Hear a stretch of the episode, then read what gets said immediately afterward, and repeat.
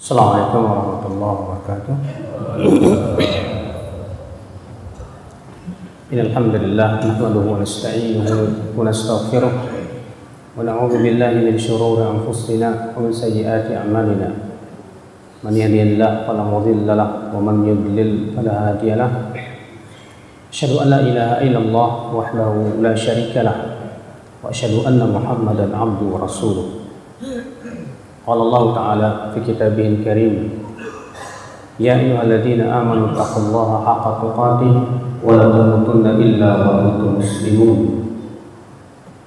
أما بعد فإن أصدق الحديث كتاب الله وخير الهدي هدي محمد صلى الله عليه وسلم وشر الأمور محدثاتها وكل محدثة بدعة وكل بدعة ضلالة. وكل ضلالة في النار Umat Islam, saudara-saudaraku yang berbahagia. Sungguhnya hak Allah yang paling besar adalah tauhidullah jalla wa ala. Itu mentauhidkan Allah dan tidak mempersekutukan Allah sedikit pun juga. Karena untuk itulah manusia diciptakan. Untuk tauhid, untuk ibadah, Allah berfirman, "Wa ma khalaqtul jinna wal insa illa liya'budun." Tidaklah aku ciptakan jin dan manusia kecuali agar mereka beribadah kepadaku saja. Ailiyuwahhidun artinya hanya mentauhidkan aku. Walidzalika untuk untuk seperti inilah Allah Subhanahu wa taala menciptakan manusia. Oleh karena itulah ya Islam, setiap kita wajib mempelajari tentang hakikat tauhid dan bahaya syirik. Sesungguhnya keutamaan tauhid di sisi Allah agung dan besar. Apa itu? Yang pertama, bahwa tauhid adalah kunci surga. Tidak mungkin orang yang mempersekutukan Allah berbuat kesyirikan masuk surga. Allah berfirman, Allah la yaghfiru an yushraka bih wa yaghfiru ma duna dzalika liman yasha. Sesungguhnya Allah tidak akan mengampuni dosa syirik dan Allah mengampuni yang lebih rendah dari kesyirikan. Allah juga berfirman dalam surat Al-Maidah, "Innahu man man yusyrik billah faqad harramallahu alaihi al-jannah." Sesungguhnya orang yang mempersekutukan Allah yang berbuat kesyirikan sungguh Allah haramkan ia dari surga. Orang yang wafat di atas kesyirikan, Pak, tidak mungkin masuk surga. Kenapa? Karena syirik itu di mata Allah ter, ya Pak, dosa yang paling besar. Allah berfirman, "Inna syirka la dzulmun 'adzim." Sesungguhnya kesyirikan itu kezaliman yang paling besar kata Allah Subhanahu wa taala. Akhul Islam, oleh karena itulah ini keutamaan yang pertama. Bahwa tauhid adalah kunci masuk surga. Haram orang yang mempersekutukan Allah. Haram orang yang berbuat kesyirikan untuk mencium bau surga, untuk masuk ke dalam surga. Allah berfirman, "Innal ladzina kadzabu bi ayatina wastakbaru anha la tufattahu lahum abwabus sama' wala yadkhuluna al-jannata hatta yalijal jamanu fi sammil khiyat. Sesungguhnya orang-orang yang mendustakan ayat-ayat kami dan mereka sombong terhadap ayat-ayat kami, maka tidak akan dibukakan untuk mereka pintu-pintu langit. Dan mereka tidak akan pernah masuk surga sampai unta masuk ke dalam lubang jarum. Tidak mungkin. Siapa pun yang ingin masuk surga, dia wajib merealisasikan kuncinya ini, syaratnya. Yaitu merealisasikan kalimat La ilaha illallah. Siapa pun yang memiliki kalimat La ilaha illallah, maka keutamaan yang kedua, dia mendapat jaminan masuk surga. Siapa pun yang wafat di atas La ilaha illallah, dia pasti masuk surga, Pak. Rasulullah sallallahu alaihi wasallam bersabda man kana akhiru kalamihi la ilaha illallah dakhala al jannah.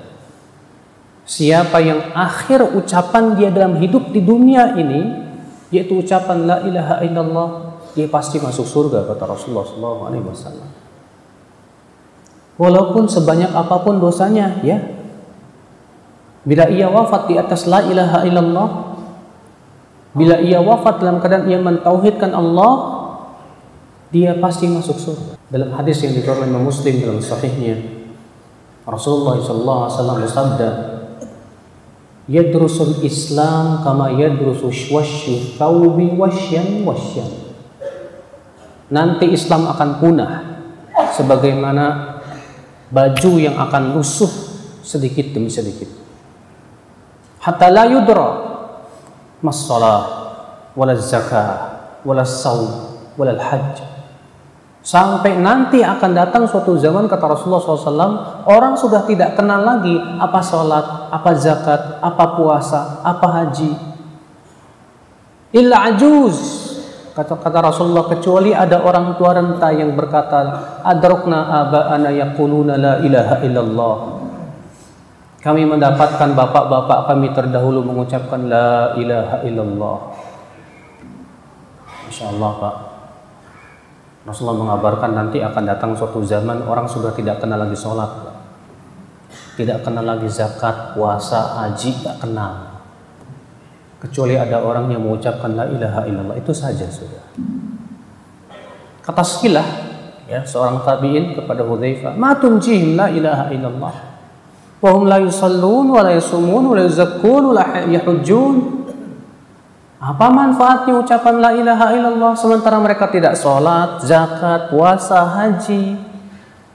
Kata Hudzaifah, tunjihi minan Ucapan la ilaha illallah itu suatu ketika akan menyelamatkan mereka dari api neraka. Makanya orang yang wafat di atas la ilaha illallah dia sudah mendapatkan kartu jaminan masuk surga. Orang yang wafat di atas tauhidullah jalla wa ala dia tidak akan kekal dalam api neraka. Tidak akan kekal dalam api neraka. Rasulullah sallallahu alaihi wasallam bersabda, "Yakhruju minan nar man qala la ilaha illallah wa fi qalbihi mithqala dzarratin min iman." Pasti kata Rasulullah akan keluar dari api neraka orang yang mengucapkan la ilaha illallah walaupun di dalam hatinya ada sebesar biji sawi dari keimanan. Pasti. Siapa pun orang yang wafat di atas la ilaha illallah dan dengan syarat dia tidak melakukan pembatal-pembatal la ilaha illallah maka dia suatu ketika akan diangkat dari api neraka dia akan dimasukkan ke dalam surga ikhwatal iman a'azzani Allah wa dalam hadis yang dikatakan Bukhari dan Muslim juga ketika Rasulullah mengabarkan ketika kaum mukminin akan melewati jembatan sirat yang ter, yang terbentang di atas api neraka itu, Pak. Setelah kaum mukminin melewatinya, maka mereka pun datang kepada Allah. Lalu mereka berkata, "Ya Rabb, ikhwanuna alladziina kanu yusalluna ma'ana wa yasumuna ma'ana." Ya Rabb, teman-teman kami, saudara-saudara kami yang dahulu sholat bersama kami, yang dahulu mereka ber, berpuasa bersama kami. Mereka sekarang dalam api neraka ya Allah. Dan mereka terus minta kepada Allah supaya Allah mengeluarkan mereka dari api neraka. Maka Allah berfirman, "Idhabu ilan nar." Silahkan kalian pergi ke neraka. Wa akhrij dan keluarkan dari api neraka orang-orang yang kalian kenal mengucapkan la ilaha illallah. Maka kaum mukminin pun Pak pergilah ke neraka. Dikeluarkan teman-teman mereka yang mengucapkan la ilaha illallah dari api neraka. Masya Allah. Ini kalimat yang dahsyat sekali Pak. Orang yang betul-betul merealisasikan tauhidullah jalla wa ala dia tidak akan kekal dalam api neraka. Pernah suatu ketika Rasulullah bersabda kepada Abu Dhar. Pernah dengar sahabat Abu Dhar? Kata Rasulullah? Man qala la ilaha illallah dakhala jannah. Walau siapa yang mengucapkan la ilaha illallah pasti masuk surga. Apa kata Abu Dhar? Wa in zana wa in sarak ya Rasulullah Walaupun dia berzina dan mencuri ya Rasulullah. Kata Rasulullah, wa in zana wa in sarak. walaupun ia berzina dan mencuri. Kemudian Abu Dhar bertanya lagi, in zana wa in sarak? Walaupun dia berzina dan mencuri, ya Rasulullah. Yang benar. Kata Rasulullah, wa in zana wa in sarak. Walaupun dia berzina dan mencuri. Abu Dhar mengulangi lagi, wa in zana wa in sarak ya Rasulullah. Walaupun dia berzina dan mencuri, ya Rasulullah, Kata Rasulullah wa in raghima anfu Abi Dar. Walaupun Abu Dar tidak ridho. Walaupun Abu Dar tidak mau. Masya Allah. Rasulullah mengatakan orang yang mengucapkan la ilaha illallah dan dia wafat di atas la ilaha illallah pasti pas suatu ketika ia masuk ke dalam surga walaupun dia berzina dan mencuri bukan berarti kemudian ya kita hendak mengatakan ah yang penting kan la ilaha illallah. Mau berzina, saya mau berzina, mau mencuri, paling masuk neraka sehari dua hari. Wah, ini bahaya pak. Iya. Karena saya pengen jamin kalau bapak berzina, mencuri, bapak akan wafat di atas la ilaha illallah. Siapa yang jamin? Kesyirikan itu kata para ulama dihlizul kufur. Corong menuju kepada kekafiran. Iya. Oleh karena itulah Allah merentengkan zina dengan syirik. Allah berfirman wazaniyatu la yankihuha illa zanin aw musyrik wa hurrima dzalika 'alal mu'minin. Wanita yang berzina itu tidak halal kecuali untuk laki-laki yang berzina lagi atau laki-laki yang musyrik. Kata Syekhul Islam, ini menunjukkan bahwa zina itu bisa mengantarkan kepada kesyirikan. Tidak ada di suatu kaum yang tersebar perzinahan kecuali di situ tersebar kesyirikan dan tidak ada tersebar kesyirikan kecuali di situ tersebar perzinahan. Ikhwatal iman, a'azani Allah wa iya. Itu keutamaan yang kedua. Apa itu, Pak? Hah? Kok pada diem? Nggak ngantuk kan, Bapak? Keutamaan yang kedua bahwa kalimat la ilaha illallah membuat pelakunya tidak kekal dalam api neraka. Tidak kekal kalaupun dia masuk ke dalam api neraka. Keutamaan selanjutnya Bapak sekalian, apa keutamaan kalimat tauhid? Bahwa kalimat tauhid syarat mendapatkan ampunan Allah Rabbul Izzati wal Jalal. Tanpa kalimat ini seseorang tidak akan diampuni oleh Allah. Dan dengan kalimat ini seseorang akan mendapatkan ampunan Allah. Disebutkan dalam hadis dan sudah saya sebutkan tadi ayatnya Pak. Inna Allah la yaghfiru ay yushraka bih wa yaghfiru ma duna dzalika liman yasha. Sesungguhnya Allah tidak mengampuni dosa syirik dan masih mengampuni dosa yang lebih rendah dari syirik. Dalam hadis yang oleh Imam At-Tirmidzi dan Tirmidzi berkata hadis ini hasan. Bahwasanya Rasulullah SAW bersabda, Allah Taala berfirman, "Ya Adam, Hai anak Adam, lau innaka lau ataitani biqurabil ardi khataya Sesungguhnya kamu kalau datang kepadaku membawa dosa sepenuh bumi.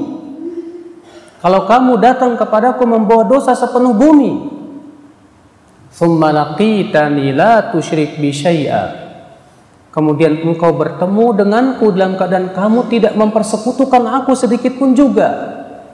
La ataituka biqurabihal maghfirah. Maka aku akan mendatangimu dengan membawa sepenuh bumi ampunan. Subhanallah. Rasulullah ya Allah mengatakan hai anak Adam kalau dosamu itu sebesar bumi dan kamu wafat di atas la ilaha illallah dan kamu tidak mempersekutukan aku aku pasti datang membawa ampunan sepenuh bumi juga. Masya Allah. Disebutkan dalam riwayat Ibnu Majah dalam sunannya dan hadisnya sahih.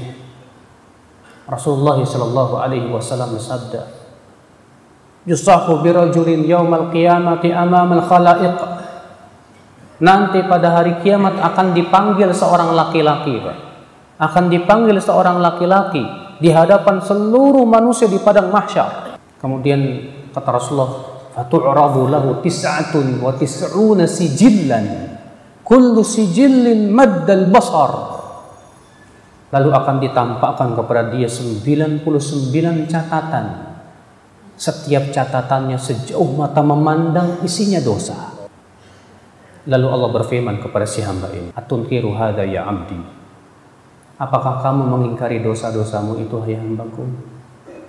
Si hamba berkata, La ya Rabb, tidak ya Allah. Itu memang dosaku. Lalu Allah berfirman lagi, Adzalamatka katabatil hafizun? Apakah malaikat yang mencatat amalanmu telah menzalimi kamu? Si hamba berkata, La ya Rabb. Tidak ya Allah, sama sekali tidak. Lalu Allah berfirman lagi, Alaka udur? Kamu punya alasan?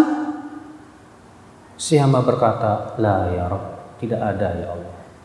Si hamba sudah yakin masuk neraka. Lalu Allah berfirman, Bala, innalaka indana hasanah. Kamu mempunyai sebuah kebaikan di sisi kami. Fatukhrajulahu bitaqah dikeluarkanlah untuk dia kartu bertuliskan asyhadu an la ilaha illallah wa asyhadu anna muhammad rasulullah lalu si hamba ini menganggap remeh kartu ini Pak. dibandingkan dengan 99 catatan itu. Apa kata si hamba ini? Ya Rob mahadil bitaqa binisbati litilka sijillat apa hebatnya kartu ini ya Allah dibandingkan dengan 99 catatan itu? Setiap catatannya sejauh mata memandang. Maka Allah berfirman innaka la tudlam. Engkau tidak akan dizalimi hari ini lalu dibawalah timbangan disimpan kartu la ilaha illallah dalam satu neraca dan disimpan 99 catatan dalam satu neraca lagi Pak apa yang terjadi Pak? Fasakulatil bitaqah wa tashatis sijillat menjadi beratlah kartu la ilaha illallah dan menjadi ringanlah apa? 99 catatan itu. Allah pun merahmati dia, mengampuni dosanya. Namanya nih Pak, kartu jaminan masuk surga. Bapak punya kartu kredit, punya kartu kesehatan, punya kartu banyak ya kalau dompetnya isinya kartu tok ATM kartu ini yang paling penting tuh kartu jaminan masuk surga pak kartu jaminan masuk surga itu la ilaha illallah dan alhamdulillah bapak yang ada di sini sudah punya itu pak. Cuma perlu dipertahankan sampai meninggal dunia. Di atas la ilaha illallah. Ikhwatal islam azan Allah wa di antara keutamaan la ilaha illallah maaf Pak ya, saya banyak melihat Bapak kalau menguap terbuka aja begitu. Ah. Kata Rasulullah, apabila seseorang menguap dan terbuka, setan akan tertawa kepadanya. Mendingan diketawain setan atau diketawain monyet, Pak? Kalau kita aja diketawain monyet merasa terhina, apalagi ketawain setan, Pak. Jangan, Pak. Yang satu riwayat yang lain setan akan masuk Iya. Jadi kalau menguap kata Rasulullah hendaknya ditahan. Falyaqdim mastata. Tahan aja. Iya. Baik, kita lanjutkan lagi, Pak. Sampai mana tadi ya? Sampai setan. Sampai mana tadi? Kartu. Kartu la ilaha illallah. Jadi la ilaha illallah itu syarat untuk mendapatkan ampunan dari Allah Subhanahu wa taala. Apalagi keutamaan la ilaha illallah. Orang yang merealisasikan la ilaha illallah dengan sempurna, dia akan masuk surga tanpa hisab dan adab. Semakin seseorang merealisasikan la ilaha illallah dengan sempurna, tidak mempersekutukan Allah sedikit pun juga, dia akan masuk surga tanpa hisab dan adab. Dalam hadis yang dikeluarkan oleh Imam Bukhari dan Muslim, Rasulullah Shallallahu Alaihi Wasallam bersabda, "Uridat alayyal umam." Ditampakkan kepadaku umat-umat pada hari kiamat. Fatu'rabu ya faraitu rajul uh, nabiyyan wa ma'ahu ruhaid. Aku melihat ada nabi yang diikuti suatu kaum. Wa nabiyyan wa ma'ahu Rajulun wa rajulan. Ada lagi aku melihat nabi yang diikuti satu dan dua orang saja. Walaisa wa nabiyan walaisa ma'ahu ahad. Ada lagi kata Rasulullah aku melihat ada nabi yang tidak punya pengikut, Pak. Nabi nggak punya pengikut, bayangkan. Idh uridat alayya sawadul azim. Tiba-tiba diperlihatkan kepadaku jumlah besar. Fadhanantu annaha ummati. Aku mengira itu umatku.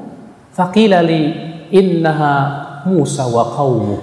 Itu Musa dan kaumnya. Thumma uridat alayya sawadul azim. Kemudian diperlihatkan kembali kepadaku jumlah yang besar lagi. Faqila li lalu dikatakan kepadaku innaha ummatuk wa fihim sab'una alfan yadkhuluna al-jannata bighairi hisabin wal adab. Itu umatmu wahai Muhammad. Dan pada umatmu itu ada 70 ribu orang yang masuk surga tanpa hisab dan adab. 70 ribu orang yang masuk surga tanpa hisab dan adab. Lalu Rasulullah pun masuk ke dalam rumahnya. Fadov ya fadov ya fakhadhan nas lailatahum. Di malam itu para sahabat nggak bisa tidur, Pak. Mikirin itu siapa yang bisa masuk surga tanpa hisab dan adab? Masya Allah para sahabat tuh pikirannya begitu, Pak Gak bisa tidur gara-gara mikirin itu siapa yang bisa masuk surga tanpa hisab dan adab. Kalau antum gak usah tidur mikirin apa?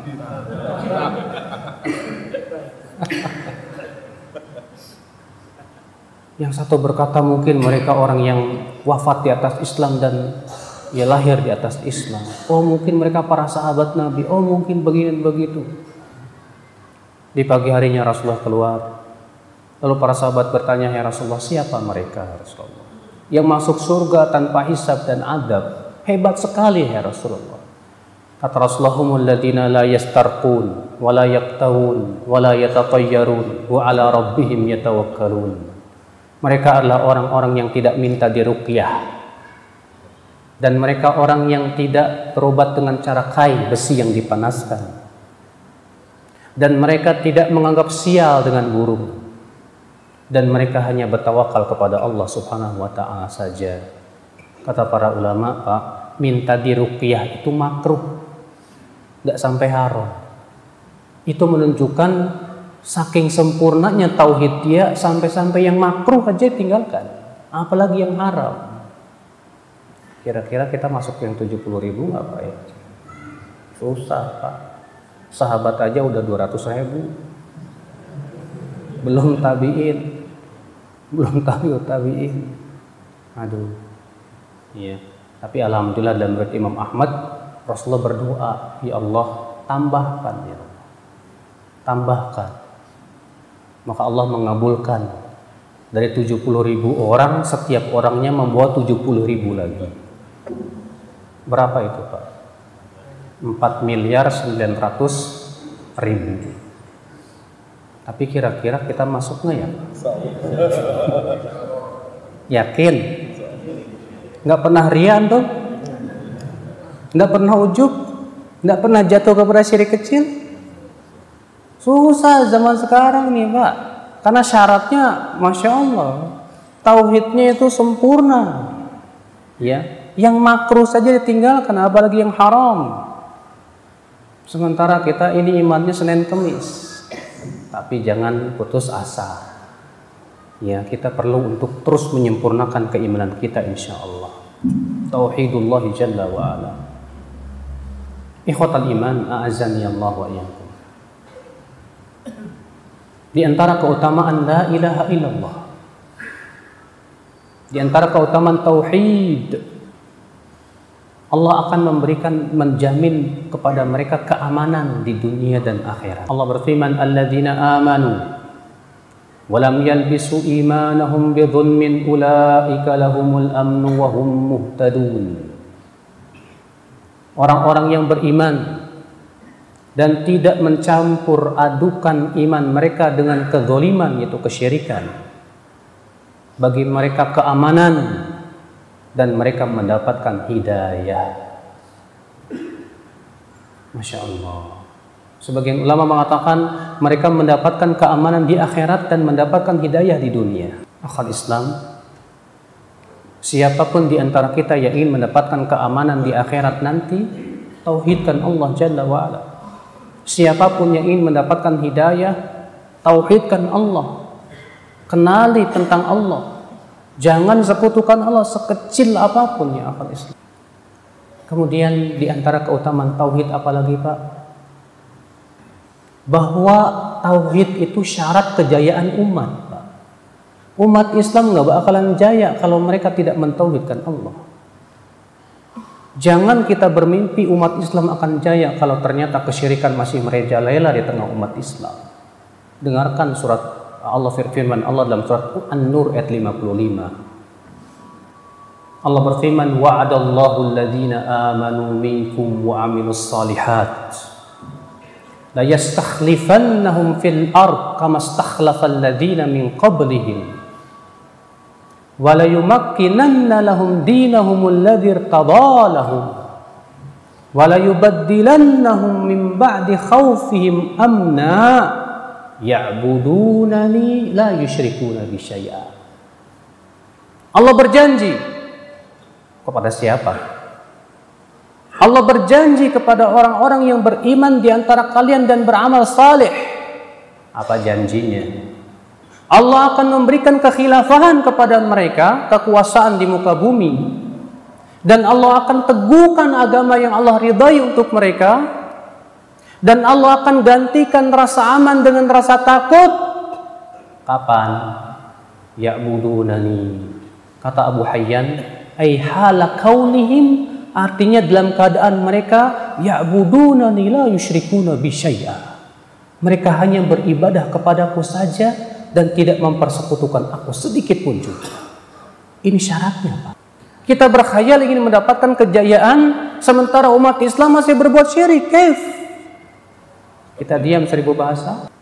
Makanya ya akhwan Islam, kalau kita ingin mendapatkan kejayaan dari Allah, tamkin fil ard, keteguhan di muka bumi dalam agama, khilafah ya penuhi syarat. Karena ini Allah berikan janji untuk yang memenuhi tiga syarat, beriman, beramal soleh, dan hanya beribadah kepada Allah menjauhkan apa? Kesyirikan. Kesyirikan. Makanya Pak, kita di dalam kehidupan sekarang ini di zaman ini Pak, yang penting sekali untuk kita tekankan kepada kaum muslimin adalah Tauhidkan Allah, jauhkan kesyirikan.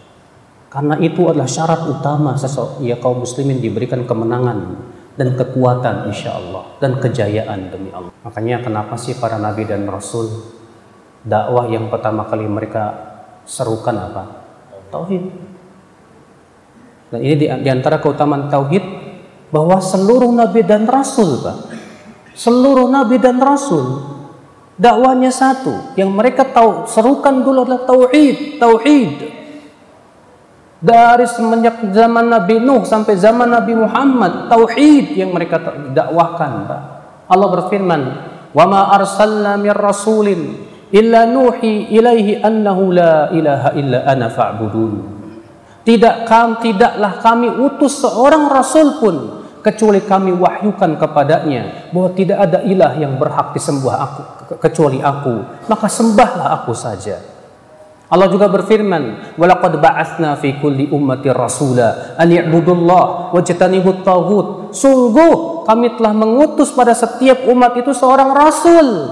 Rasul itu berkata ubudullah sembahlah Allah dan jauhi taghut. Akal Islam Nabi Nuh alaihissalatu wassalam berapa tahun beliau berdakwah? Hah? Nabi Nuh 950 tahun berdakwah. 950 tahun. Kita berdakwah baru berapa, baru berapa tahun nih, Pak? Hah? 10 tahun. 100 tahun juga belum. Iya. Nabi Nuh 950 tahun berdakwah, "Hai kaumku, sembahlah Allah, sembahlah Allah." Sementara Nabi Nuh terus diledek, dilecehkan. Nabi Nuh alaihissalatu wassalam mendapati berbagai macam rintangan. Tapi setiap harinya Nabi Nuh tak pernah bosan untuk menyeru, ucapkan la ilaha illallah. Allah berfirman, "Laqad arsalna Nuhan ila qaumi, faqala ya qaumi ibudullah, ma lakum min ilahin ghairuh." Sungguh kami telah mengutus Nuh kepada kaumnya. Lalu Nuh berkata, Hai kaumku, sembahlah Allah saja. Tidak ada ilah yang berhak disembah kecuali Dia. 950 tahun berdakwah sampai zaman Nabi Muhammad sallallahu alaihi wasallam yang pertama kali didakwakan Rasulullah la ilaha illallah. Rasulullah sallallahu alaihi wasallam Pak ketika memulai berdakwah di kota Mekah yang beliau serukan la ilaha illallah dulu.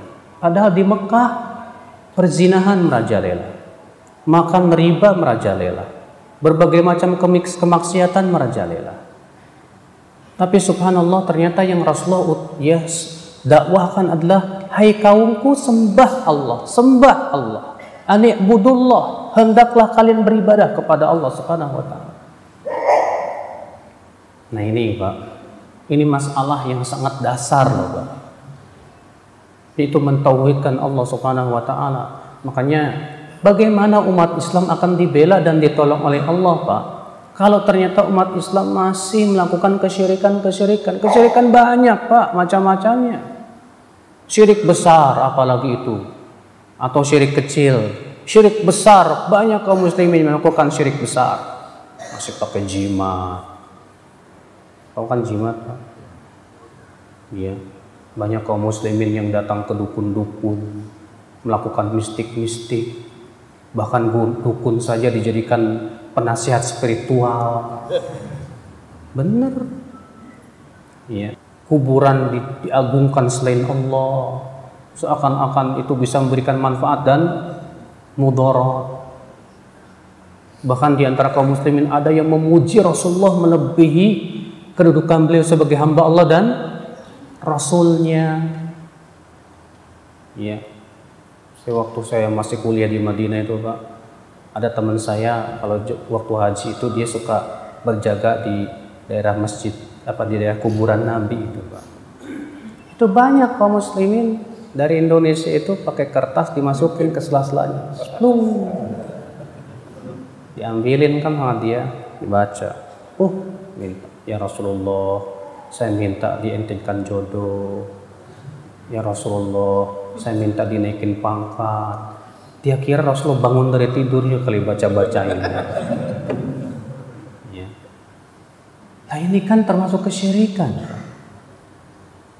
Kesyirikan masih kuat sekali. Ya.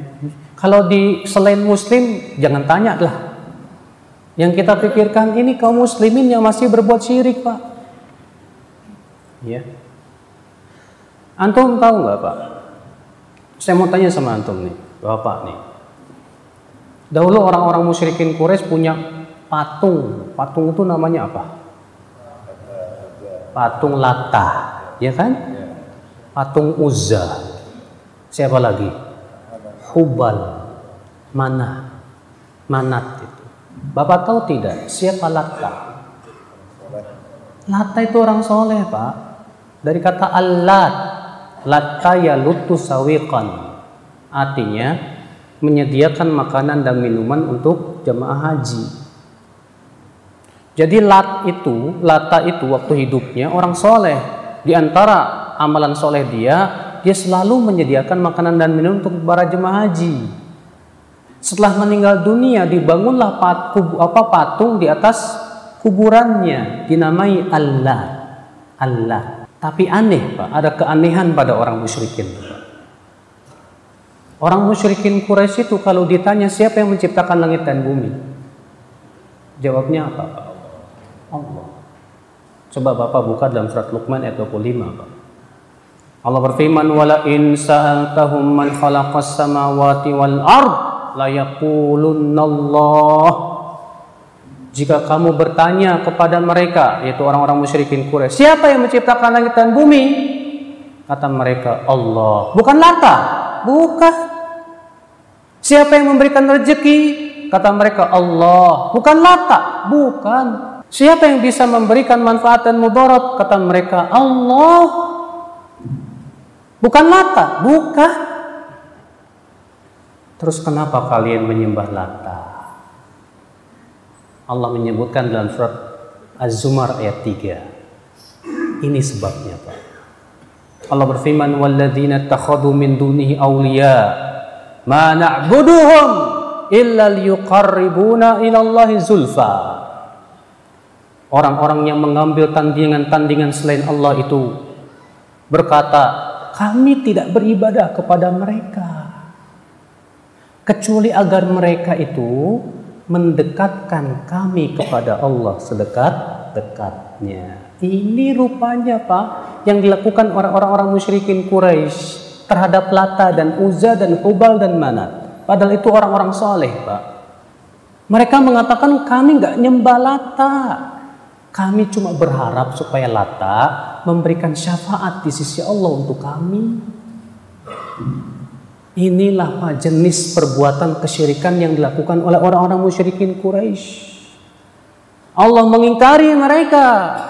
Masya Allah, ikhwatal Islam, azakumullah wa iyai. Maka kalau antum datang ke kuburan orang soleh, lalu antum berkata saya tidak menyembah ke orang kuburan ini kok, saya cuma berharap mudah-mudahan orang soleh ini mendekatkan diri saya kepada Allah. Lah apa bedanya dengan itu? Ya. Saya nggak menyembah kuburan kok. Masya Allah, Alhamdulillah Anda tidak menyembah kuburan. Bagus. Tapi kenapa kok kamu berdoanya di kuburan nggak di masjid?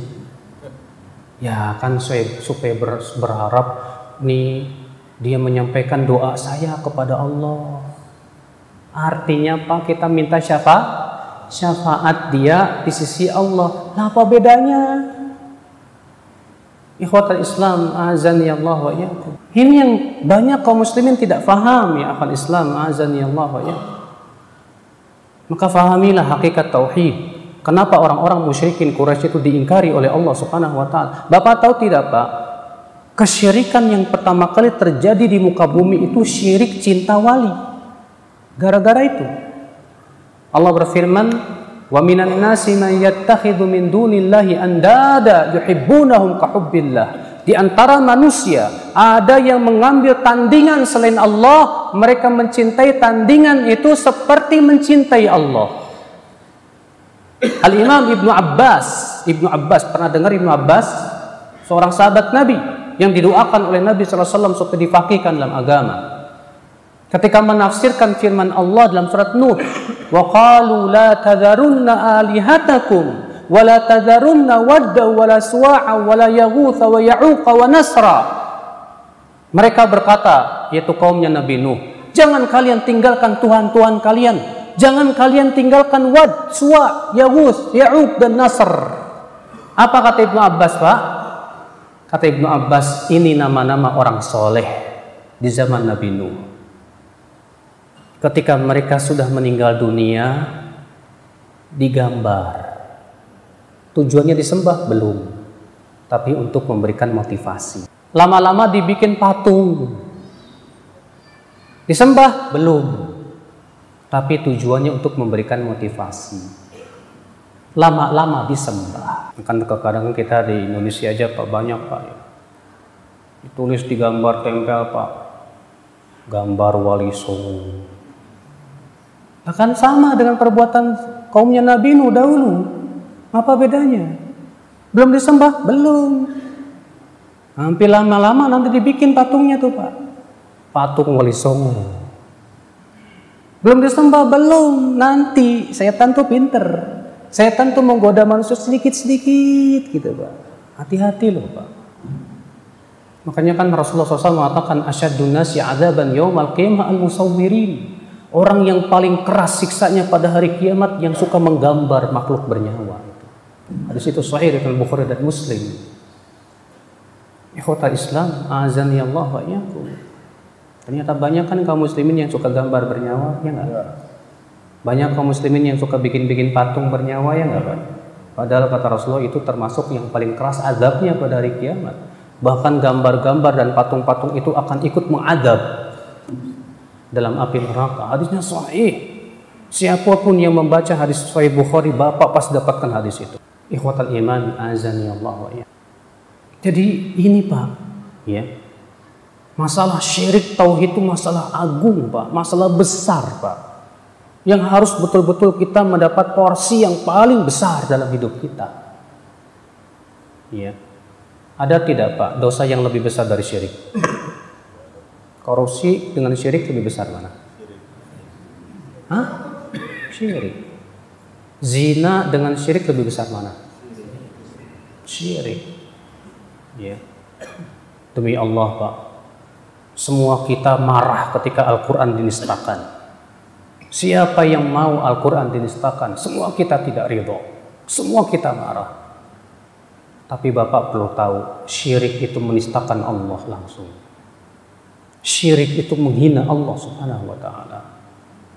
Karena hakikatnya ada yang sebanding dengan Allah. Padahal tidak ada yang sebanding dengan Allah.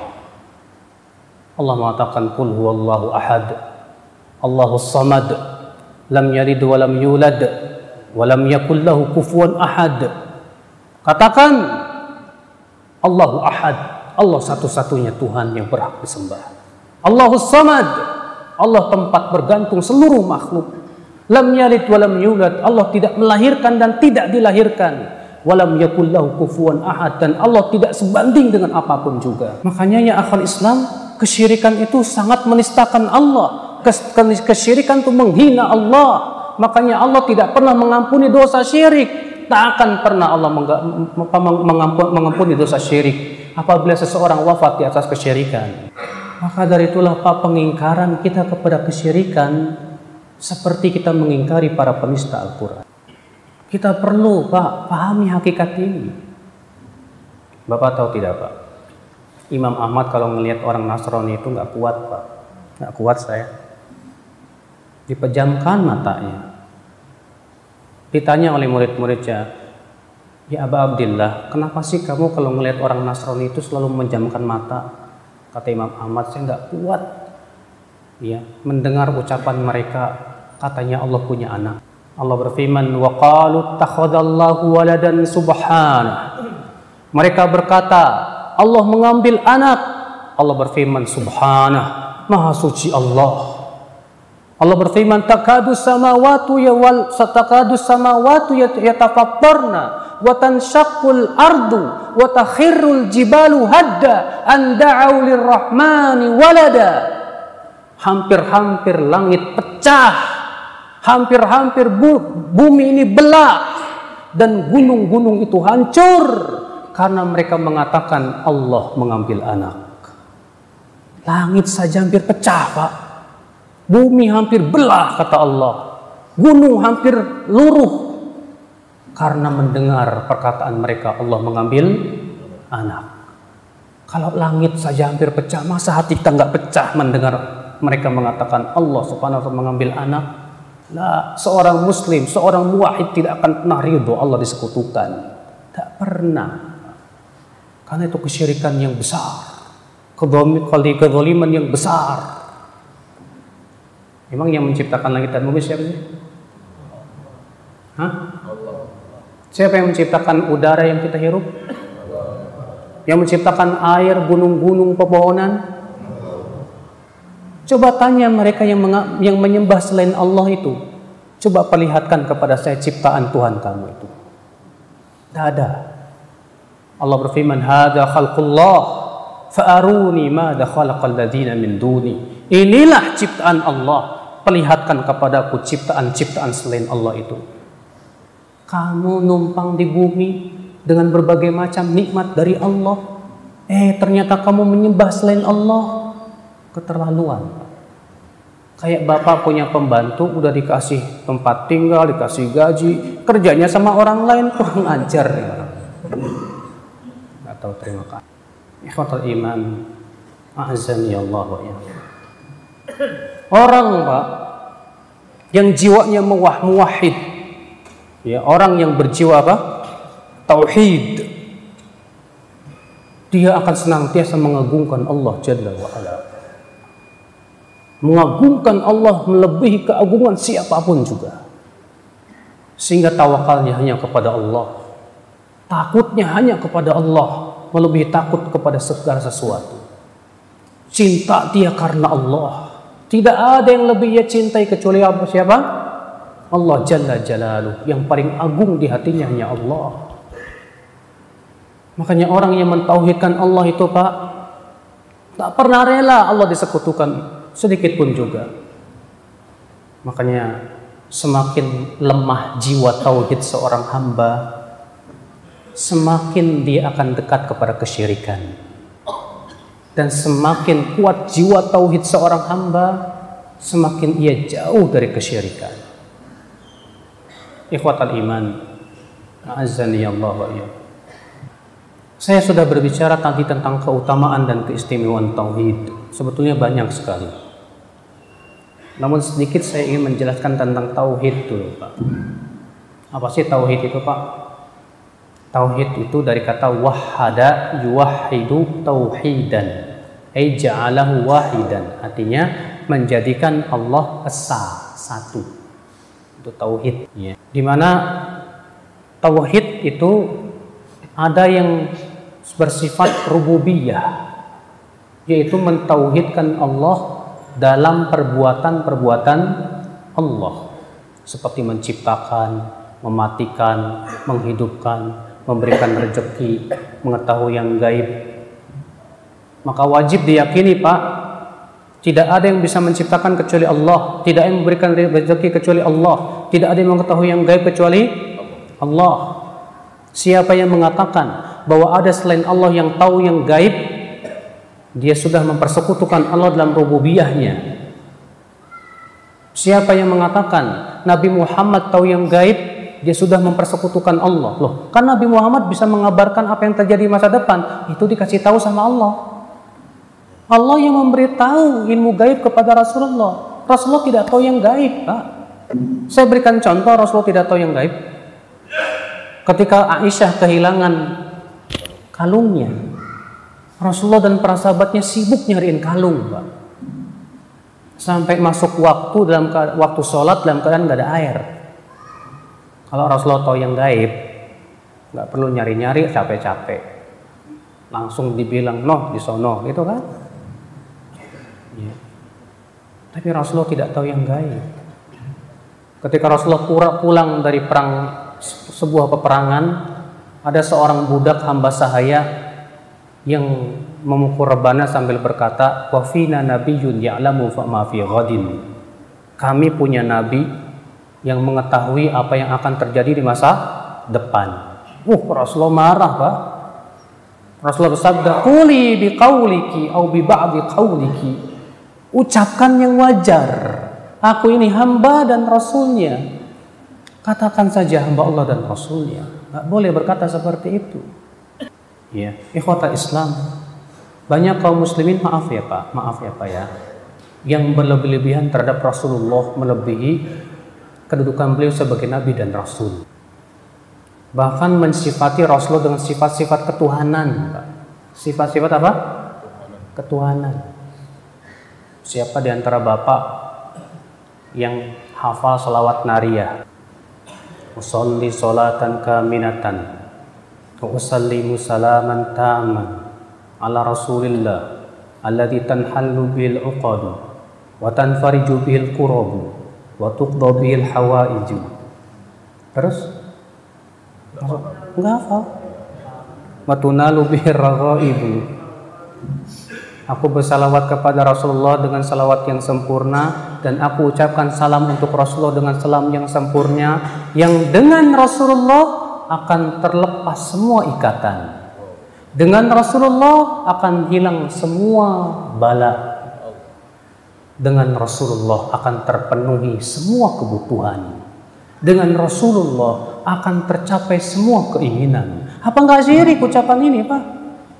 Rasulullah tidak bisa memberikan manfaat dan mudarat. Coba baca oleh Bapak surat Al-A'raf ayat 188. Qul la amliku li nafsi naf'a wa la illa ma Allah.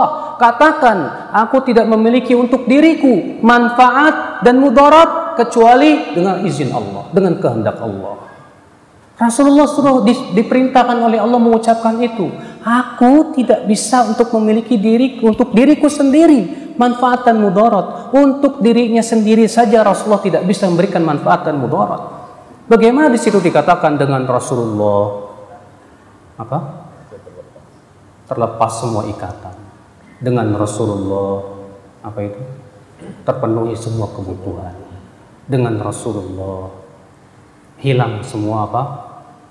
Ya, kesusahan. La wala quwata illa billah. Ikhwatal iman, azani Allah ya. Dahulu Rasulullah bersabda kepada para sahabat begini, Pak. La tutruni kama atratin nasara Isa bin Maryam. Jangan kalian berlebih-lebihan memujiku sebagaimana Isa orang-orang Nasrani berlebih-lebihan memuji siapa? Isa bin Maryam. Fa innama ana abdun. Aku ini hanyalah hamba Allah. Maka katakanlah hamba Allah dan Rasulnya. Rasulullah SAW tidak suka Pak para sahabat menghormati beliau dengan cara berdiri. Enggak suka. Dalam hadis riwayat Anas ya, dari hadis Abu Daud, riwayat Abu Daud dari hadis Anas. Anas berkata, para sahabat sangat cinta kepada Rasulullah. Namun ketika Rasulullah datang mereka tidak berani berdiri karena mereka tahu Rasulullah SAW tidak suka itu. Sementara di antara kita senang Pak kalau orang berdiri menghormatinya. Ya. Kata Rasulullah apa? Man sarrahu an yatamatsalahu nasu qiyaman siapa yang merasa suka, merasa suka orang-orang berdiri menghormatinya falyatabawa maq'adahu minan nar hendaklah ia persiapkan tempat duduknya di neraka hati-hati Pak ini masalahnya akan menjerumuskan kepada kesyirikan Pak ya kita bukannya tidak cinta Rasul kita sangat cinta Rasul tapi Rasulullah melarang kita untuk berlebih-lebihan sehingga memuji beliau melebihi kedudukan beliau sebagai hamba dan rasulnya. Terkadang saya suka mendengar di surau-surau mereka membawakan kasidah burdah isinya begini. Inna min judika dunya wa dharratiha wa min ulumika lauhi wal qalam. Di antara kedermawananmu hai Muhammad, dunia dan seisinya dan di antara sebagian ilmumu ilmu lauhul mahfud dan kolam. Uh, Masya Allah. Rasulullah tahu yang ada dalam lauhul mahfud, bayangkan Pak, katanya. Dan itu pun disebutkan sebagian ilmu Rasulullah. Masya Allah. Pada Rasulullah tidak tahu yang gaib, Allah. Allah berfirman, wa indahu mafatihul ghaibi la ya'lamuha illa. Di sisi Allah lah kunci-kunci yang gaib. Tidak ada yang mengetahui kecuali siapa? Kecuali Allah saja. Allah berfirman, "Qul la ya'lamu man fis samawati wa man fil ardil ghaiba illallah." Katakan, tidak ada yang mengetahui yang gaib baik di langit maupun yang di bumi kecuali Allah. Allah bersendirian dalam mengetahui yang gaib. Ini akidah, Pak. Keyakinan harus diyakini ini masalah besar ini, Pak. Ini rububiyah. Kemudian ada yang kedua yang paling besar, uluhiyah. Itu hanya beribadah kepada Allah. Kalau tauhid rububiyah orang musyrikin Quraisy mengakui. Sudah saya sebutkan tadi Pak, orang-orang musyrikin Quraisy kalau ditanya siapa yang menciptakan langit dan bumi? Allah. Siapa yang memberikan rezeki? Allah. Siapa yang menubuhkan berbagai macam tanaman? Allah. Itu akui mereka. Secara tauhid rububiyah mereka akui tapi masalahnya mereka jatuh kepada kesyirikan. Mereka mempersekutukan Allah dalam uluhiyahnya. Dan uluhiyah Allah itu artinya mengharuskan kita hanya beribadah kepada Allah saja, tidak kepada yang lain. Tawakal kita hanya kepada Allah, cinta dan benci kita karena Allah, takut kita juga kepada Allah yang terbesar. Siapa? Siapa yang mencintai Allah seperti eh, mencintai sesuatu seperti mencintai Allah berarti dia sudah musyrik. Siapa yang bertawakal kepada selain Allah? Musyrik. Besar itu dosanya apa di sisi Allah Subhanahu wa taala? Coba kita pelajari, Pak. Bapak yakin Bapak belum berbuat syirik? Jangan pede. Nabi Ibrahim aja nggak pede. Nabi Ibrahim saja berdoa wa junubni wa bani an na'budal asnam. Ya Allah jauhkan aku dan anak-anakku untuk menyembah berhala. Nabi Ibrahim. Nabi Muhammad aja selalu berdoa berlindung dari kesyirikan. Rasulullah mengajarkan doa Allahumma ini a'udzubika min an usyrika bika syai'an a'lamu wa astaghfiruka lima la a'lamu. Ya Allah, aku berlindung kepada Engkau untuk mempersekutukan Engkau dalam keadaan aku tahu dan aku berlindung kepada Engkau dalam perkara yang aku tidak tahu. Jangan kita pede, saya sudah aman dari syirik, masya Allah. Jangan. Rasulullah saja tidak merasa aman terhadap para sahabat di akhir hayatnya. Rasulullah merasa tidak aman terhadap para sahabat, padahal imannya para sahabat, Pak, jangan tanya.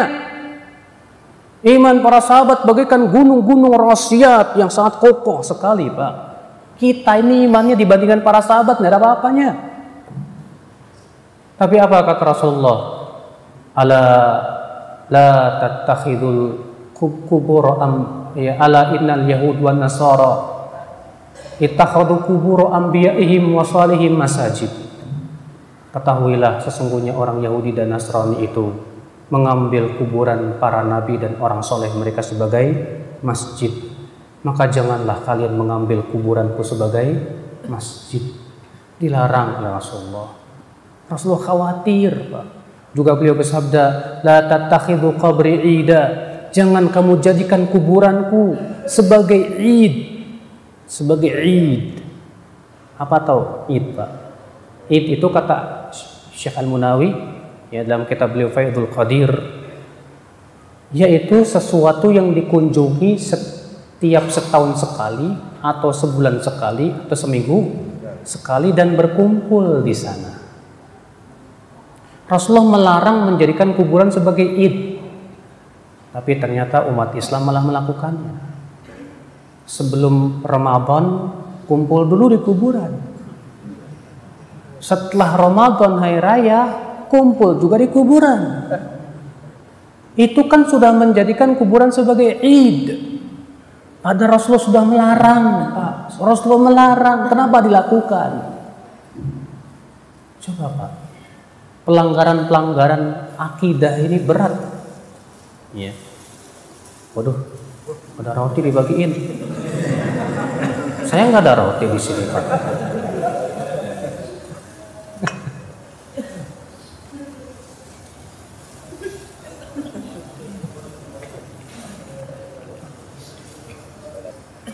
Ini kayaknya ada roti seger lagi nih Pak ya.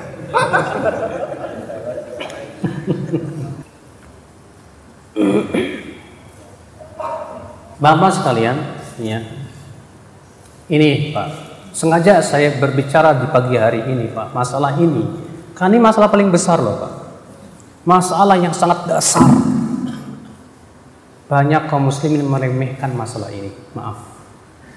Banyak kaum muslimin tidak mau berbicara tentang kesyirikan-kesyirikan yang ada di negeri ini padahal merajalela di negeri kesyirikannya. Tidak aneh kalau ternyata berbagai macam malapetaka, musibah menimpa, ya karena kesyirikan itu. Kesyirikan dahsyat sekali. Ya.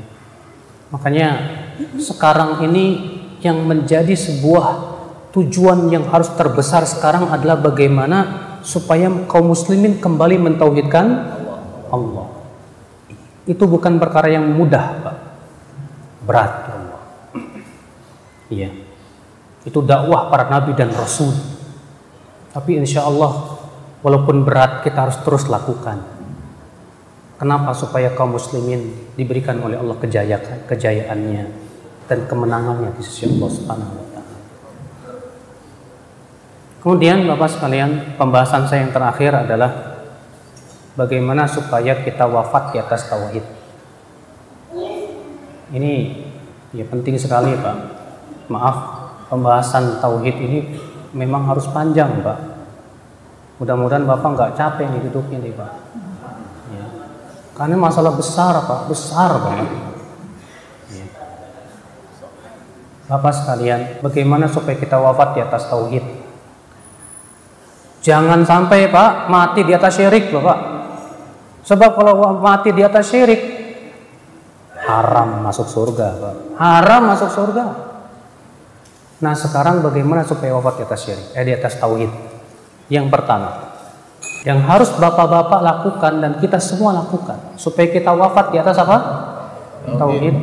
Kita wajib belajar tentang tauhid dan syirik. Apa tauhid, apa syirik, apa macam-macamnya. Harus diperbanyak kajian tentang itu, Pak. Dan jangan memba bosan membahas tentang masalah itu. Karena kita tidak pede kalau kita akan jatuh kepada kesyirikan. Di masjid ini kita buat tauhid dikaji tidak? Dikaji? Alhamdulillah. Coba porsi tentang pembahasan tentang tauhid ini harus terus Pak. Difahamkan betul tentang hakikat tauhid supaya umat jauh dari kesyirikan. Sebab ketika seseorang telah berilmu tentang tauhid, insya Allah dia akan tahu dan faham ini tauhid, ini syirik, ini syirik besar, ini syirik kecil. Dengan seperti itu dia akan jauhi insya Allah, biiznillah. Beda dengan orang yang tidak tahu syirik, tidak tauhid, tidak tahu tahu tauhid, Pak. Orang yang tidak tahu itu biasanya akan sangat dekat untuk jatuh kepada kesyirikan, Pak. Maka pelajari tauhid, pelajari apa? Syirik. Para dai hendaklah mereka berusaha memfokuskan dakwah kepada tauhid. Karena itu dakwah para nabi dan rasul. Bahkan Rasulullah SAW ketika mengutus para sahabatnya untuk berdakwah, yang Rasulullah nasihatkan kepada mereka, yang pertama kali dakwahkan apa? Tauhid. Lihat ketika Rasulullah mengutus Mu'ad ke Yaman. Apa kata Rasulullah kepada Mu'ad? Inna ta'ti qauman ahlal kitab falyakun awwala ma tad'uhum ilaih syahadat la ilaha illallah fi riwayatin ila ayyuhidullah sesungguhnya engkau akan mendatangi suatu kaum dari kalangan ahli kitab maka hendaklah yang pertama kali kamu dakwahkan sampai mereka mentauhidkan Allah terlebih dahulu itu dulu bukan Ustaz kita kan mendakwai kaum muslimin ya masalahnya kaum muslim banyak yang tidak paham tauhid gimana masih jatuh kepada kesyirikan Penting untuk kita dakwahkan dulu ini. Fahamkan. Nah ini Pak, cara yang pertama supaya kita wafat di atas tauhid, pelajari tentang apa? Tauhid dan syirik. Pelajari macam-macam syirik supaya kita terjauh dari kesyirikan. Yang kedua, Pak, supaya kita wafat di atas tauhid, apa itu, Pak? Jauhi menyelisihi perintah Rasul. Sebab orang yang menyelisih perintah Rasul dan terbiasa dengan menyelisih perintah Rasul lama-lama nanti diseret kesyirikan. Coba baca saja firman Allah dalam surat Al-Ahzab. "Falyahdharil ladzina yukhalifuna an amri an tusibahum fitnatun aw yusibahum adzabun alim." Hendaklah waspada. Allah Allah mengatakan apa? Waspada orang-orang yang menyerisihi perintah Rasul untuk ditimpa musibah atau ditimpa azab yang pedih. Coba Pak, Allah di sini mengatakan orang yang menyelesaikan perintah Rasul akan ditimpa antara salah satu dua. Ditimpa fitnah atau ditimpa adab yang pedih. Bapak tahu fitnah apa? Imam Ahmad berkata al fitnah tuh ya syirk awil kufur. Yang dimaksud dengan fitnah dalam ayat ini kesyirikan atau kekafiran. Seseorang menyelesaikan perintah Rasul dijadikan oleh Allah hatinya condong kepada kesyirikan dan kekafiran. Hati-hati. Jangan kita terbiasa menyelesaikan perintah Rasul. Iya. Semua yang diperintahkan Rasul kita ucapkan apa? Sami'na Ini jiwa seorang muslim. Iya. Walaupun memang sih Pak Siapa sih muslim yang tidak pernah berbuat maksiat? Kalau kita sekali-kali berbuat maksiat karena terbawa oleh hawa nafsu dan syahwat, tapi segera taubat kepada Allah, Allah maafkan insya. Asal ketika menyelisih perintah Rasul itu jangan ada niat sengaja menyelisih perintah Rasul. Kalau udah ada niat seperti ini bahaya besar, Pak. Bahaya besar. Ya. Asalkan di di kalangan kaum muslimin sendiri Pak banyak yang nggak suka sunnah Rasul. Banyak yang berusaha mematikan sunnah Rasul. Ya, banyak Pak. Ada yang mengingkari hadis, katanya hadis itu nggak perlu, cukup Quran. Coba bayangkan kalau Al-Quran tanpa hadis, Pak, gimana nafsirinnya? Bapak mau sholat, emang ada dalam Al-Quran tata cara sholat dari, dari awal sampai akhir tidak ada, Pak. Ya. Ada lagi yang mengatakan Pak, Hadis ahad tidak perlu kita terima dalam akidah. Adapun masalah hukum silahkan. Waduh, ratusan akidah alusunnah banyak yang berdasarkan hadis ahad. Harus ditolakin itu. Mereka yang menolak hadis ahad mengatakan apa? Ada kubur nggak ada. Hadisnya ahad. Dajjal nggak ada. Hadisnya ahad. Sirat nggak ada. Hadisnya ahad. Waduh, berapa banyak akidah yang harus kita tolak. Sementara para ulama sudah sepakat akan adanya itu semua. Itu kan namanya apa? Berusaha mematikan sunnah Rasul. Salawatullahi alaihi wasallam. Iya. Banyak sekali Pak usaha-usaha untuk mematikan sunnah Rasul ini. Makanya orang yang menyelisih perintah Rasul diancam oleh Allah dengan salah satu dari dua. Silahkan Bapak pilih, Bapak pilih yang mana? Ditimpa fitnah atau ditimpa adab yang pedih? Gak mau dua-duanya? Kalau gitu taati Rasul. Taati Rasul. Iya. Yang ketiga, supaya kita wafat di atas tauhid. Supaya kita wafat di atas tauhid, Pak, yaitu kita mempunyai teman-teman dekat kita dari orang-orang yang mentauhidkan Allah. Sebab kalau Bapak berteman dekatnya dengan orang-orang yang mempersekutukan Allah, saya khawatir Bapak terseret kepada kesyirikan. Makanya jadikan teman-teman dekat Bapak yang ada di sekeliling Bapak, yang Bapak curhat sama dia dan Bapak dekat dengan dia, hanya orang yang mentauhidkan Allah saja, Pak. Itu manfaatnya besar loh, Pak. Apa manfaatnya? Kita berharap kalau kita wafat disolatkan oleh mereka. Sebab Rasulullah memberikan jaminan siapa yang wafat dan disolatkan oleh 40 orang dan 40 orang ini tidak mempersekutukan Allah Subhanahu wa taala dan mentauhidkan Allah, maka itu akan mendapatkan apa? syafaat pada hari kiamat. Jaminan. Masya Allah. Makanya kan penting kita punya teman-teman yang mentauhidkan Allah. Mudah-mudahan ketika saya wafat disolatkan oleh teman-teman saya yang mentauhidkan Allah Jalla Jalla. Manfaatnya apa lagi Pak? Nanti di hari kiamat kalau kita qadarullah masuk neraka, mereka yang akan mengeluarkan kita. Hadisnya sudah saya sebutkan tadi. Ketika kaum mukminin telah melewati jembatan sirat, mereka datang kepada Allah dan minta supaya teman-temannya dikeluarkan. Maka Allah berfirman, "Pergi kalian ke neraka." Keluarkan teman-teman kalian yang kalian kenal yang mengucapkan la ilaha illallah. Keluarkan mereka dari api neraka. Itu teman-teman yang soleh, masya Allah, yang mentauhidkan Allah. Makanya Pak, ya, jangan sampai teman kita yang dekat itu ternyata berbuat syirik. La ilaha illallah. Jangan, jangan. Ikhwatul iman. Ini cara yang ketiga. Supaya kita wafat di atas apa? tauhid. Cara yang keempat, Pak. Agar kita wafat di atas apa? Tauhid. Jalla Jalalu. Banyak berdoa kepada Allah supaya diwafatkan di atas. Banyak berdoa.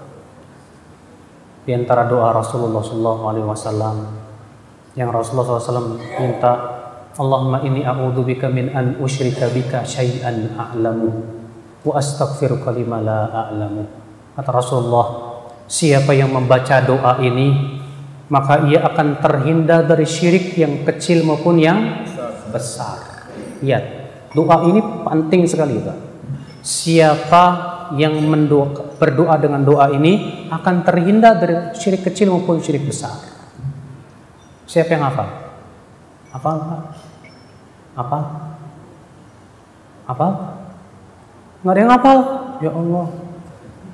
Allahumma inni a'udhu bika min an usyrika bika syai'an a'lamu wa astaghfiruka lima la a'lamu. Ini penting banget loh doa ini loh Pak. Supaya dihindarkan dari apa? Kesyirikan, yang kecil maupun yang besar. Ikhwatal Islam, azakumullah ini kayaknya saya pengen tes bapak ini pengetahuan tentang tauhidnya ini pak. Ya, katanya udah belajar tauhid, kita buat tauhid. Syarat la ilah ada berapa pak? Nih ada ada hadiahnya nih pak. Syarat la ilaha illallah ada berapa? Nggak ada yang tahu. Ya Allah. Ada yang tahu? Ah. Dua, dua. Ada dua. Salah. Ada tujuh. Apa saja? Ilmu, yakin, hmm? inqiyat, tunduk, mahabbah. Nggak apa-apa deh. Nih kasih pak, nih pak. Yang penting sudah jawab benar tadi tujuh. Cuman kurang tiga aja. Siapa yang, siapa yang bisa menyempurnakan tiga lagi? Tadi sudah disebutkan. Ah. Cinta. Cinta udah. Takut ya. Kabul pun menerima, betul. Terus Ingkiat udah. Udah. Asid jujur, betul. Al-ikhlas, ahsan, barakallahu fiik. Nih. Diambil, Pak. Tuh lihat, Pak. Jadi syarat la ilaha illallah aja nggak banyak yang nggak paham. Gimana coba kita akan mentauhidkan Allah? Pahami betul tentang syarat la ilaha illallah. Apa pembatal la ilaha illallah juga harus paham loh, Pak. Ada hal-hal yang bisa membatalkan la ilaha illallah. Masya Allah. Saya mau coba lagi mau nanya. Sebutkan rukun la ilaha illallah. Rukun la ilaha illallah. Ada yang tahu? Hah? Jauh banget, masya Allah. Apa rukun la ilaha illallah? Yang pertama, nafyu apa itu nafyu? Ah, Maksudnya meniadakan apa? Meniadakan adanya Tuhan selain meniadakan bahwa tidak ada yang berhak disembah. Yang kedua apa?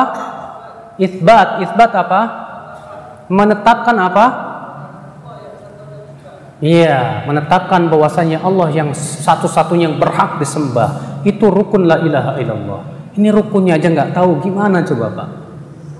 Fahami ini, ini kalimat yang sangat besar Pak. La ilaha illallah itu Pak. Rukunnya, syaratnya. Tahu nggak Pak, syarat la ilaha itu ada tujuh tadi, saya sudah saya sebutkan Pak. Apa tadi? Ilmu, yakin, kabul, menerima, ingkiat, tunduk, apalagi? Jujur, ikhlas, cinta. Kenapa harus tujuh? Karena tujuh ini ada dalam kehidupan kita. Bapak mau cukur rambut, ada tuh. Yang pertama Bapak harus berilmu dulu, ini tukang cukur hebat. Kalau Bapak sudah berilmu, ini tukang cukur hebat, tumbuh yakin. Bapak yakin datang ke dia ya kan Pak? Yakin. Pas duduk kata tukang cukurnya apa? Aduh Pak ini rambutnya kurang normal Pak. Terima nggak Pak? Ya terima, terserah deh. Situ yang lebih tahu. Kata tukang cukurnya maaf Pak, coba miringkan kepalanya ke kanan. Tunduk nggak Pak? Waduh tunduk banget Pak. Ikhlas nggak Pak? Wah ikhlas lagi. Nggak terpaksa Pak. Jujur. Coba Pak maaf Pak ke kiri Pak ke kiri. Masya Allah. Ya. Ini ada itu Pak. Kenapa kita kepada Allah tidak? Ini syarat dasar la ilaha illallah. Ikhwatul Islam azakumullah wa. Dan ternyata la ilallah pun punya pembatal. Dan pembatal la ilallah banyak, tapi porosnya ada 10. Siapa yang bisa menyebutkan dua aja pembatal la ilaha Allah? Ada yang tahu? Oh ini syekh ini. Ini udah jangan jangan dijawab, jangan jawab ini. Ada yang tahu? Oh. Syirik menyembelih untuk selain nggak apa-apa. Sebetulnya itu masuk syirik juga sih. Ya, menyembelih untuk selain Allah termasuk syirik juga. Karena kan syirik kan bermacam macam. Berarti baru satu. Dua apa? Sihir, ahsan, barakallahu fiik. Nih, ambil. Sihir itu bisa membatalkan la ilaha illallah, Pak. Belum pernah dikaji di sini tentang pembatal-pembatal la ilaha illallah. Penting banget loh, Pak. Ya, jangan sampai la ilaha illallah kita batal. Ada tuh 10 pokok pembatal la ilaha illallah. Yang harus difahami itu Pak. Nggak mungkin saya kaji di zaman di sekarang ini. Panjang waktunya. Ya. Yang jelas harusnya panitia di sinilah yang berusaha untuk mengkaji hal-hal yang sangat dasar seperti ini. Fahamkan orang tentang tauhid, fahamkan orang tentang hakikat syirik. Supaya apa? Kaum muslimin selamat dunia akhirat. Ya. Percuma Bapak banyak sholat, banyak zakat, banyak puasa, banyak haji. Eh ternyata berbuat syirik. Allah berfirman, La in asyrakta la yahbatanna amaluk. Kalau kamu berbuat syirik, Allah batalkan amalan. Habis semuanya. Tidak ada nilainya di sisi Allah Subhanahu wa taala. Itu masalah penting loh, Pak. Ya. Maka ikhwata Islam azakumullah wa iyyakum. Semoga dengan kajian ini semakin kita faham tentang hakikat apa? Tauhid dan urgensi tauhid. Dan bahaya syirik dalam kehidupan. Dan sudah saya sebutkan itu kunci kemenangan umat Islam. Kalau umat Islam ingin jaya, realisasikan tauhid, jauhkan kesyirikan. Fahamkan umat Islam ini tentang hakikat tauhid dan supaya mereka menjauhkan kesyirikan. Dan mohon maaf, saya tidak membuka tanya jawab karena udah siang. Yang kedua udah capek juga. udah lapar juga. Antum enak dibagi-bagiin roti, aneh nggak dapet. Emang nasibnya Ustadz tuh harus paling-paling susah Pak ya. Baiklah, saya mohon maaf tidak ada pertanyaan. Insya Allah ditanyakan kepada Ustadz-Ustadz lebih kompeten dari saya ya. Wabillahi taufik subhanakallah bihamdik syadu la ilaha illa ant astaghfiruka wa atubu ilaik. Assalamualaikum warahmatullahi wabarakatuh.